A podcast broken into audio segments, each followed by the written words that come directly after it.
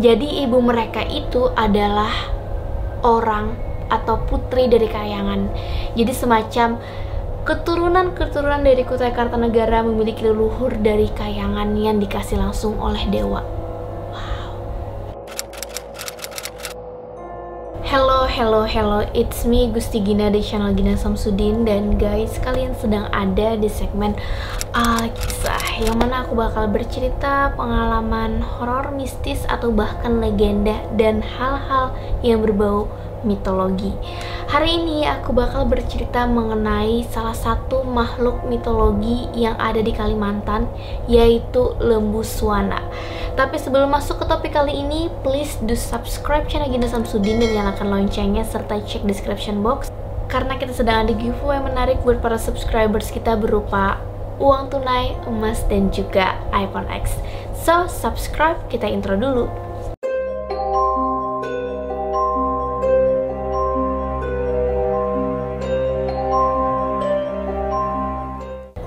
Guys, kalian pernah nggak sih pergi ke Kalimantan Timur, tepatnya di Kabupaten Kutai Kertanegara, Kota Tenggarong. Kalau aku pernah pada tahun 2000, 2015 pada saat itu sama teman-teman kita ke sana dan aku bener-bener kayak impress sama kotanya di sana. Suasana Kalimantannya itu kerasa, Dayaknya itu masih kerasa banget.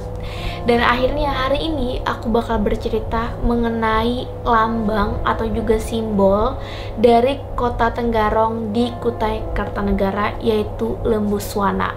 Yang mana cerita ini juga tidak terlepas dari lahirnya seorang perempuan yang nantinya adalah seorang putri yang akan melahirkan generasi keturunan dinasti Kutai Kartanegara. Pada zaman dulu di sebuah desa disebutlah namanya Kampung Melanti Hulu Dusun. Di sana ada sepasang suami istri yaitu petinggi Hulu Dusun dan istrinya yang bernama Babu Jaruma. Usia mereka itu udah tua guys, tapi belum juga dikaruniai seorang anak sehingga mereka itu tiap hari meminta kepada dewa untuk diberikan keturunan. Bisa dibilang mereka berkata, "Dewa, berilah kami anak untuk meneruskan garis keturunan kami. Tapi nyatanya memang nggak dikasih anak juga. Sampai suatu hari, pada hari itu terjadilah hal yang tidak biasa di dusun tersebut. Yang mana hujan turun sangat deras disertai dengan petir, guntur, dan juga angin yang kuat guys. Dan itu berlangsung selama tujuh hari, tujuh malam. Bayangin, itu lama banget kan?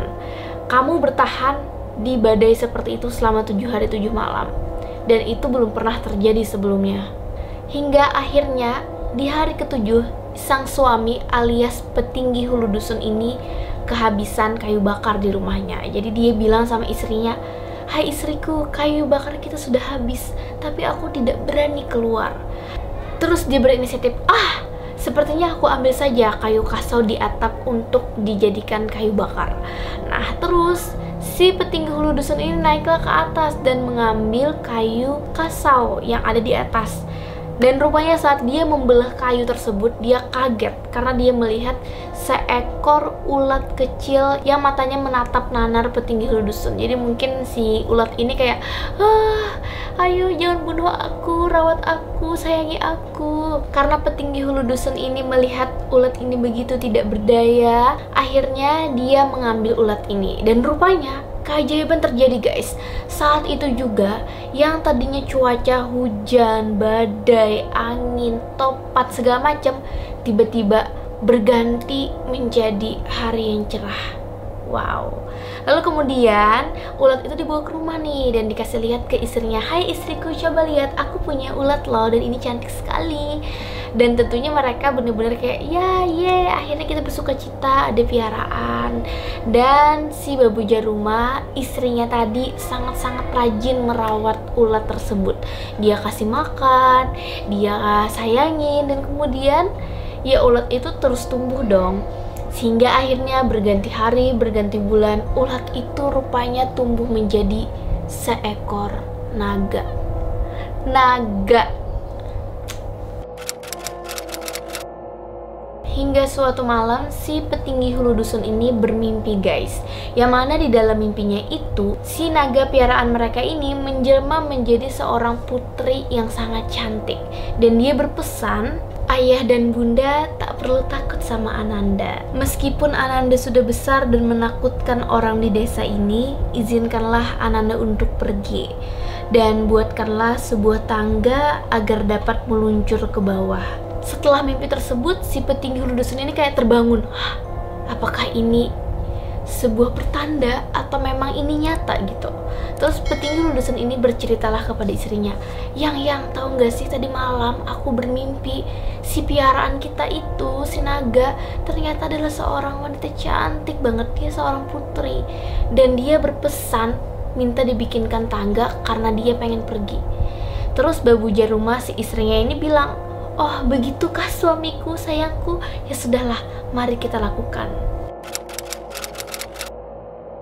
Akhirnya suami istri ini pun membuatkan tangga yang terbuat dari bambu dan tepat sebelum naga tersebut turun ke bawah, dia bersuara guys dan suara itu tepat seperti putri yang datang di mimpi petinggi hulu dusun. Si naga berkata, bila mana Ananda telah turun ke tanah, maka hendaknya ayah dan bunda mengikuti ke mana saja Ananda merayap.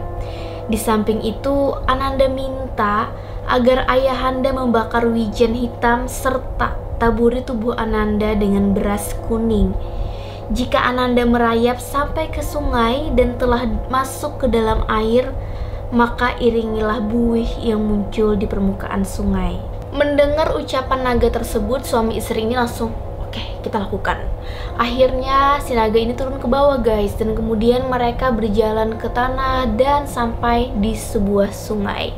Nah di sungai tersebut si naga ini bolak-balik mondar-mandir tujuh kali ke hulu, tujuh kali ke hilir. Kemudian dia berenang ke tepian batu dan di sana dia kembali berenang tiga kali ke kiri, tiga kali ke kanan sampai akhirnya setelah selesai dia menyelam ke dalam sungai. Saat naga itu menyelam dan tidak terlihat lagi di permukaan, cuaca itu tiba-tiba berubah menjadi sangat-sangat mengerikan. Hujan, topan, petir, guntur itu kayak tiba-tiba langsung terjadi gitu. Dan sampai-sampai perahu yang ditumpangi oleh petinggi hulu dusun dan istrinya si Babu Jaruma ini goyang dan mereka pun akhirnya menepi gitu ke tepi batuan dan tiba-tiba cuaca kembali normal. Jadi cuma sebentar gitu loh. Badainya itu tidak berlangsung lama. Ketika cuaca kembali normal dan matahari bersinar kembali disertai rintik-rintik hujan mereka itu memperhatikan nih mana ya naga itu? Kok nggak kelihatan di permukaan saat permukaan sungai itu terlihat tenang, rupanya ada sebuah penampakan yang memang seperti dikatakan oleh naga. Terlihat seperti gumpalan buih, jadi kayak buih-buih-buih gitu di permukaan di sungai Mahakam. Akhirnya si suami istri kayak, hah tadi kan si naga bilang ya kalau misalnya ada buih kita harus deketin. Mereka pun mendayung kembali mendekati buih itu. Dan kagetnya karena si istri babu jaruma ini melihat di antara buih-buih itu ada sebuah gong yang isinya adalah seorang bayi. Ya, bayi guys. Dan mereka kaget ketika bayi itu muncul dari buih-buih. Di bawahnya itu adalah naga naga yang selama ini mereka piara. Jadi naga itu kayak mengangkat gong tersebut gitu. Dan akhirnya bayi di dalam gong tadi beserta naga itu semakin meninggi, meninggi, meninggi, meninggi. Dan ternyata di bawah mereka yang menjunjung mereka naik ke atas adalah sebuah, bukan sebuah, seekor hewan yang sangat aneh. Yang tidak lain tidak bukan adalah lembu swana Ya karena penampakan lembu suwana ini tidak seperti hewan pada umumnya, tentunya terlihat sangat aneh. Suami istri ini kaget gitu loh. Aduh, itu apa ya suamiku? Ya aku nggak tahu juga istriku itu apa ya. Karena penampakan ini aneh banget guys. Karena bentuk dari lembu swana ini memang sangat-sangat unik guys. Dia berkepala singa dan juga memiliki mahkota. Mahkota itu benar-benar ada di kepala dia dan melambangkan keperkasaan seorang raja yang dianggap penguasa dan mahkota adalah tanda kekuasaan raja yang dianggap seperti dewa. Makanya nggak heran lembu suwana ini disebut dengan penguasa sungai Mahakam. Selain itu, bentuk ciri dari tubuh lembu suwana ini adalah dia memiliki belalai gajah. Jadi dari depan itu dia memiliki belalai seperti gajah yang merupakan lambang dari dewa Ganesha sebagai dewa kecerdasan. Selain itu juga lembu suwana memiliki sayap garuda bersisik ikan dan di keempat kakinya terdapat cula atau taji layaknya seperti kaki ayam. Jadi sosok lembu suwana ini seperti perpaduan dari beberapa hewan gitu loh guys. Dan tentunya itu pertama kali dilihat suami istri ini si petinggi hulu dusun dan babu jaruma. Mereka pun kaget gitu kan masa ngelihat sesuatu yang selama ini tidak pernah diketahui. Nah kemudian karena mereka bener-bener kayak oh my god what the hell is this gitu kan Akhirnya si petinggi hulu dusun dan istri ini mendayung perahunya ke tepian dan kemudian perlahan-lahan si naga dan juga lembu suwana ini pun kembali masuk ke dalam sungai. Jadi mereka hilang, yang tersisa hanyalah gong yang berisi bayi.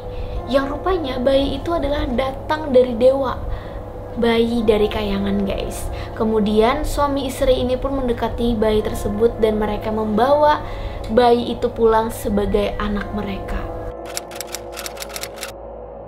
Akhirnya mereka pun hidup bahagia karena sudah memiliki seorang bayi yang diberi nama sesuai pesan di dalam mimpi dari petinggi hulu dusun yaitu Putri Karang Melenu.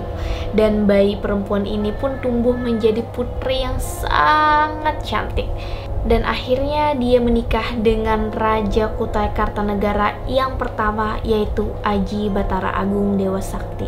Dan dari sana kan si raja dan putri tadi menikah dan mereka punya anak yang anak-anak ini generasi inilah yang menjadi keturunan dinasti Kutai Kartanegara. Jadi ibu mereka itu adalah orang atau putri dari kayangan. Jadi semacam Keturunan-keturunan dari Kutai Kartanegara memiliki leluhur dari kayangan yang dikasih langsung oleh dewa. Wow. Kembali ke lembu suwana, jadi lembu suwana ini dipercaya oleh warga lokal merupakan kendaraan bagi Raja Mula Warman yang memerintah sekitar 1500-an tahun yang lalu dari masa ke masa lembu suwana ini kan udah menjadi simbol dari Kutai Kartanegara dari zaman kerajaan Hindu hingga sekarang menjadi Kesultanan Kutai Kartanegara Ing Martadipura. Makna dari lembu suwana ini tidak berubah guys, yaitu seorang pemimpin haruslah mengayomi rakyatnya. Sangat-sangat bijak. Makanya itu kenapa lembu suwana sampai sekarang juga masih menjadi simbol atau lambang dari Kutai Kartanegara.